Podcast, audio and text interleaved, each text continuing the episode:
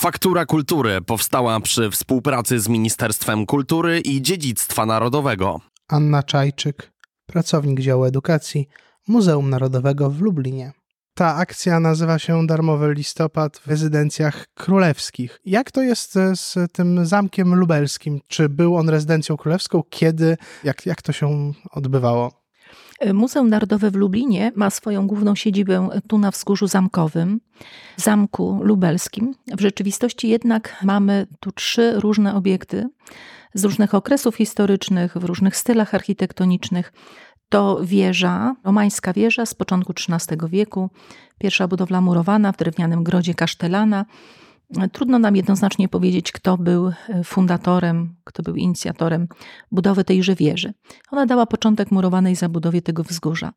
W XIV wieku, w czasach panowania Kazimierza Wielkiego, który wzmacniał obronność miasta po najeździe Tatarów na Lublin, w roku 1341 powstał tu gotycki murowany zamek, zamkowa kaplica pod wezwaniem Trójcy Świętej oraz mury obronne. Mamy więc trzy różne obiekty: wieżę, zamkową kaplicę oraz zamek lubelski. I budowę zamku i zamkowej kaplicy możemy datować na lata po 1341, a więc po tym najeździe, a zapewne do końca 1370, kiedy król Kazimierz Wielki zmarł. I ten zamek, początkowo gotycki, był siedzibą starosty. Starosta zastąpił kasztelana, był urzędnikiem. Tu odbywały się zjazdy. Tutaj też było pierwsze więzienie dla szlachty w wieży. I ten zamek był odwiedzany przez całą dynastię Jagiellonów, Władysława Jagiełę, jego syna Kazimierza Jagiellończyka. Jego synów przez trzy lata na Zamku Królewskim wychowywał sam Długosz i Kalimach. Byli to Jan Olbracht, Aleksander, Zygmunt Stary i Fryderyk, który został prymasem. Potem z inicjatywy Zygmunta Starego gotycki zamek został przebudowany na wzór Zamku Królewskiego na Wawelu w renesansową rezydencję. Prawdopodobnie sam Bartolomeo Berecci wykonał projekt przebudowy i przez ponad 30 lat, regularnie od 1530 do 1564, zamek był przebudowywany. Pięć lat później, w roku 1569, był miejsce zawarcia Unii Polsko-Litewskiej, zwanej Unią Lubelską. To najważniejsze wydarzenie w historii naszego zamku.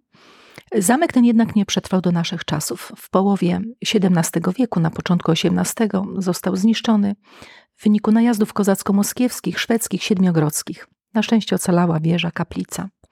Kiedy Lublin utracił swoją niepodległość, w wyniku trzeciego rozbioru, podobnie jak cała Rzeczpospolita, w 1795 stał się miastem zaboru austriackiego.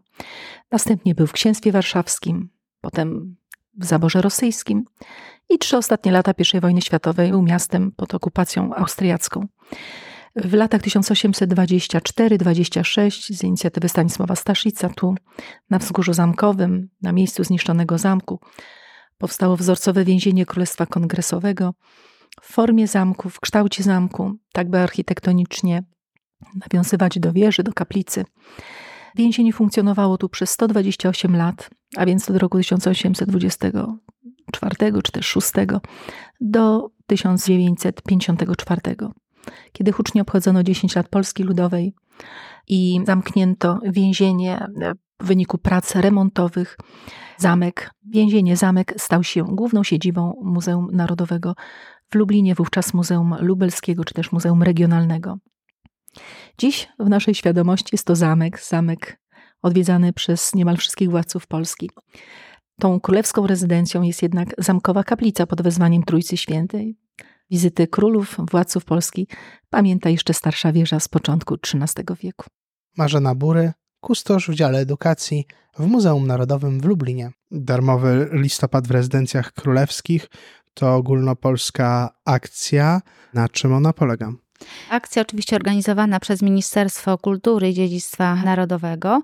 No jest to wydarzenie powszechne, które obowiązuje w rezydencjach królewskich, w tym oczywiście my jako e, tutaj lubelska siedziba dawnej świetności rezydencji królewskiej również bierzemy w niej udział. Myślę, że to każda placówka przygotowuje i wypracowuje swój własny program. Nie mylmy też tutaj tej akcji, bo wiemy już, że większość naszych słuchaczy, klientów potencjalnych uważa i tak troszeczkę może upraszcza, że jest to cały miesiąc, kiedy muzeum jest otwarte i dostępne zupełnie nieodpłatnie. Tak jak wspomniałam, pewnie każde z muzeów wypracowuje swoje własne zasady, ponieważ my pracujemy na i przyjmujemy sobie różnego rodzaju zobowiązania na wiele miesięcy do przodu, prawda, jako dział edukacji, więc sporo już zobowiązań właśnie, które mamy przyjęte, dotyczą już tego miesiąca listopada, grudnia i jeszcze dalej, ale mogliśmy zaoferować tutaj i lekcje muzealne, i zajęcia warsztatowe, i jak najbardziej osoby, które zgłosiły się jako pierwsze, mm, będą miały możliwość uczestnictwa. Oczywiście ta akcja już trwa, więc proponujemy tutaj kilka lekcji muzealnych, w tym tym momencie mm, trwa zwiedzanie na wystawie czasowej Lakat, dlatego że w ramach tej naszej oferty edukacyjnej chodzą również okazy filmowe. To akurat są wydarzenia towarzyszące wystawie czasowej e, poświęconej właśnie Lakatowi i jest to film Marcina Latało zrealizowany w 2010 roku, tak może pokrótce, ale, ale powiem.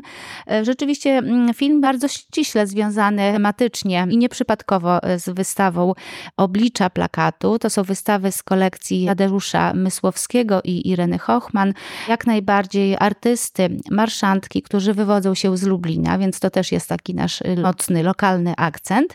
A film rzeczywiście prezentuje wybitnych plakacistów, twórców polskich. Między innymi prezentowane są w tym filmie, ale i przede wszystkim na naszej ekspozycji plakaty czołowych artystów. Między innymi spotkamy tam plakaty Świeżego, Starowiejskiego, no nie tylko, to też nie moja rola, żeby o wszystkim mówić, bo myślę, że większość naszych zwiedzających zechce iść, aby samemu przekonać się, prawda? Zobaczyć fabułę filmową, e, ale też e, przede wszystkim poznać e, naszą muzealną kolekcję.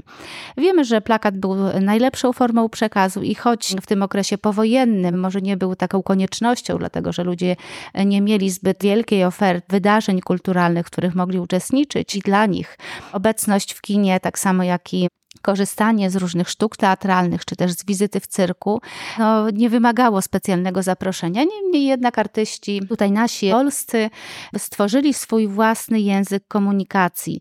E, tutaj Tadeusz Mysłowski określa swoje prace, które zresztą przekazywał sukcesywnie od 2017 roku dla naszego Muzeum Narodowego w Lublinie, określał je mianem Kwiaty ulicy, bo też i miejsce plakatu to właśnie uliczne e, mury. Może dziś to troszeczkę inaczej wygląda, zmieniło się to na przestrzeni czasu, ale Polska Szkoła Plakatu to też definicja, która pojawia nam się zarówno na samej wystawie, jak też jest y, ten wątek obecny w prezentowanym y, filmie. Dodam, że w tych projekcjach filmowych, a zaplanowaliśmy ich cztery, a nawet pięć, Część z nich już trwa. 9 listopada odbyła się pierwsza projekcja. Dziś, czyli 16 listopada o godzinie 11 mam również film, był już w tej chwili, zerknę tylko na zegarek, jest godzina 13, więc skończyło się emisja filmu. Trwa zwiedzanie po wystawie plakat, bo to jest taka kontynuacja jakby filmowa i osoby, prawda, z którymi były udzielane wywiady, ich prace, ich dzieła możemy oglądać tutaj w naszej muzealnej kolekcji. I kolejne dwa e, zaplanowane są na kolejne czwartki, a więc 23 listopada, 30 listopada o godzinie 10. Mamy już rezerwację. Wystawa też jest na taki charakter raczej przekazu i chyba zrozumiała jest bardziej dla osób dorosłych i, dorosłych i tacy też są nasi zwiedzający. To przede wszystkim studenci, właśnie odbiorca dorosły, odbiorca indywidualny, grupy seniorów i licealiści. Także ci może zdominowali ta grupa akurat tutaj te pokazy filmowe, ale jest też w godzinie popołudniowej 17 listopada, czyli w najbliższy piątek o godzinie 17. Jeszcze jakieś pojedyncze miejsca myślę, że znajdą się dla chętnych, którzy zechcieliby przyjść i ten film e, obejrzeć. E, sam film będzie dostępny, natomiast e, zakończy się o godzinie, kiedy muzeum będzie nieczynne, więc zapraszamy do odwiedzenia tej wystawy w inne, na przykład nieodpłatne dni darmowego wstępu. Powiem też o rodzinnych warsztatach cyrkowych. To jeszcze tylko zapytam, czy są wystawy, które są w ramach tego miesiąca dostępne całkowicie za darmo, czy to tylko w określone dni? Proszę pana, mamy cztery dni w ramach właśnie darmowego listopada, ale nie tylko, bo to obowiązuje w ciągu całego roku. Jeden dzień w tygodniu to są konkretnie, mm, możemy sprawdzić je oczywiście na stronie internetowej, ale dni bezpłatnego wstępu, prawda? Może nie zwiedzania, bo to też czasami jest mylone, 9, 17, 22 i 30 listopada. To są różne dni, nie jest to jeden stały dzień w tygodniu. Przed nami najbliższy piątek, środa w przyszłym tygodniu i czwartek 30 listopada. Wtedy też można pobrać nieodpłatne bilety wstępu, odwiedzić muzealną kaplicę, jak również ekspozycje stałe, ale wejście nie obowiązuje tutaj i my nie świadczymy w tym dniu usług oprowadzania to przejdźmy do tych warsztatów. W ramach innych propozycji 19 listopada o godzinie 11.30 odbędą się rodzinne warsztaty cyrkowe. To też, tak jak mówię, nieprzypadkowy temat, temat znów powiązany z naszą wystawą plakatu, bo więc na niej możemy obejrzeć kilkanaście prac właśnie związanych z reklamą cyrku. To będą warsztaty prowadzone przez specjalistkę, która tutaj nauczy i jednocześnie będzie bawiła naszych uczestników różnymi rekwizytami rekwizytami, które ze sobą zabierze. I na pewno te zadania są na tyle kreatywne, że można je później w domowych warunkach powtarzać, lub też na pewno działają na motorykę, wyobraźnię i bardzo rozwijają. Z kolei jeszcze inna propozycja to będą rodzinne warsztaty, czyli znów dla rodzin ozdoby choinkowe ze słomy. Te odbędą się 26 listopada o godzinie 12. Poprowadzi je zaproszona przez nas twórczyni ludowa pani Małgorzata Krajewska i pod jej okiem, pod jej fachowym okiem będzie można wykonać ozdoby mm, między innymi z papieru, ale też z użyciem prawdziwej słomy. Tutaj, mm, tak jak mówimy, prawda, jest to dość szeroka propozycja zarówno dla indywidualnie zwiedzających osób, dla starszych odbiorców. Są warsztaty rodzinne, ale też przeznaczone dla młodszych naszych gości, czyli dla przedszkolaków, czy też klas 1-3 i uczniów e, klas szkół podstawowych.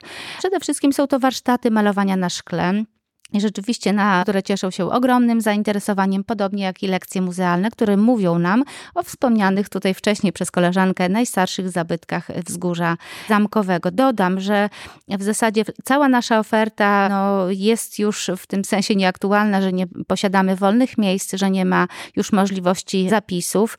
Tak naprawdę to w ciągu dwóch dni zamknął nam się pełen pakiet zgłoszeń. I oczywiście zapraszamy nie tylko w listopadzie, to hasło może rzeczywiście jest na tyle takie medialne, że przyciąga nam gości, ale pamiętajmy, że muzeum dostępne jest praktycznie przez cały rok. Dziękuję bardzo. Dziękuję. Faktura Kultury powstała przy współpracy z Ministerstwem Kultury i Dziedzictwa Narodowego.